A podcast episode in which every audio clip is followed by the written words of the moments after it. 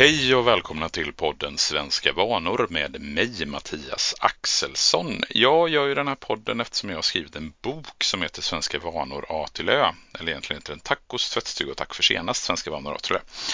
Jag har nyss sett eh, omslaget till den engelska utgåvan av boken som kommer om ungefär en månad. Den släpps den 25 mars och den boken kommer heta Beyond Fika. Swedish Habits Demystified. Och det är inte jag som har gjort översättningen utan det är en person som faktiskt kan engelska ordentligt. Och den boken kommer gå att beställa via svenskavanor.se och även på mitt förlag Lys förlag. Jag tänkte prata lite om just fika eftersom titeln på den engelska boken kommer vara, eller den engelska utgåvan av boken kommer vara Beyond fika. Och ni som är bosatta i Sverige och känner till svenska vanor, ni vet ju vad en fika är för någonting. Men för de som inte har så bra koll på svensk kultur så är fika någonting mer än bara en slät kopp kaffe men eh, mindre än en hel måltid. Oftast så är det någon form av bakverk eller smörgås eller någonting till när man tar en fika. Eh, att bara ta en slät kopp kaffe brukar man inte ha med i fika Eh, begreppet. Och att ta en fika tillsammans, det är liksom lite mer informellt än att gå och käka middag tillsammans. Till exempel om man ska på en dejt så kan det vara lite mer avslappnat att ta en fika. Det blir inte så prestigefyllt. Eh, alltså man ställer, det blir inte så högt ställda krav på själva eh, grejen, eh, själva mötet om man så säger. Och den svenska fikakulturen kan man faktiskt spåra ända tillbaka till 1700-talet och den vanligaste hypotesen om ordet fika det är att det är en omskrivning, en omkastning av bokstäverna i kaffe.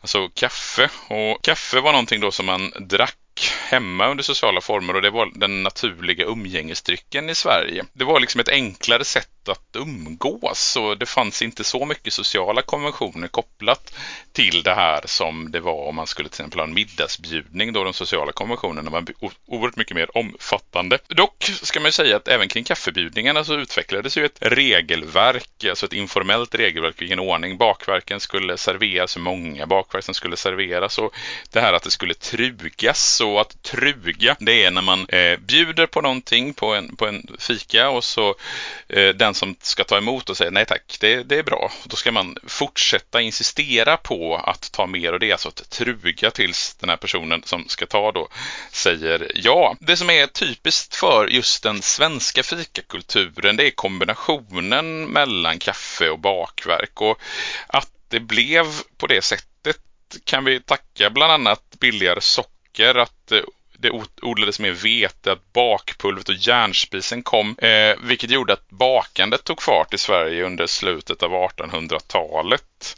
Och, och, det är liksom utifrån de förklaringarna som vi kan förstå den svenska fikakulturen och eh, alla de här bakverken som finns.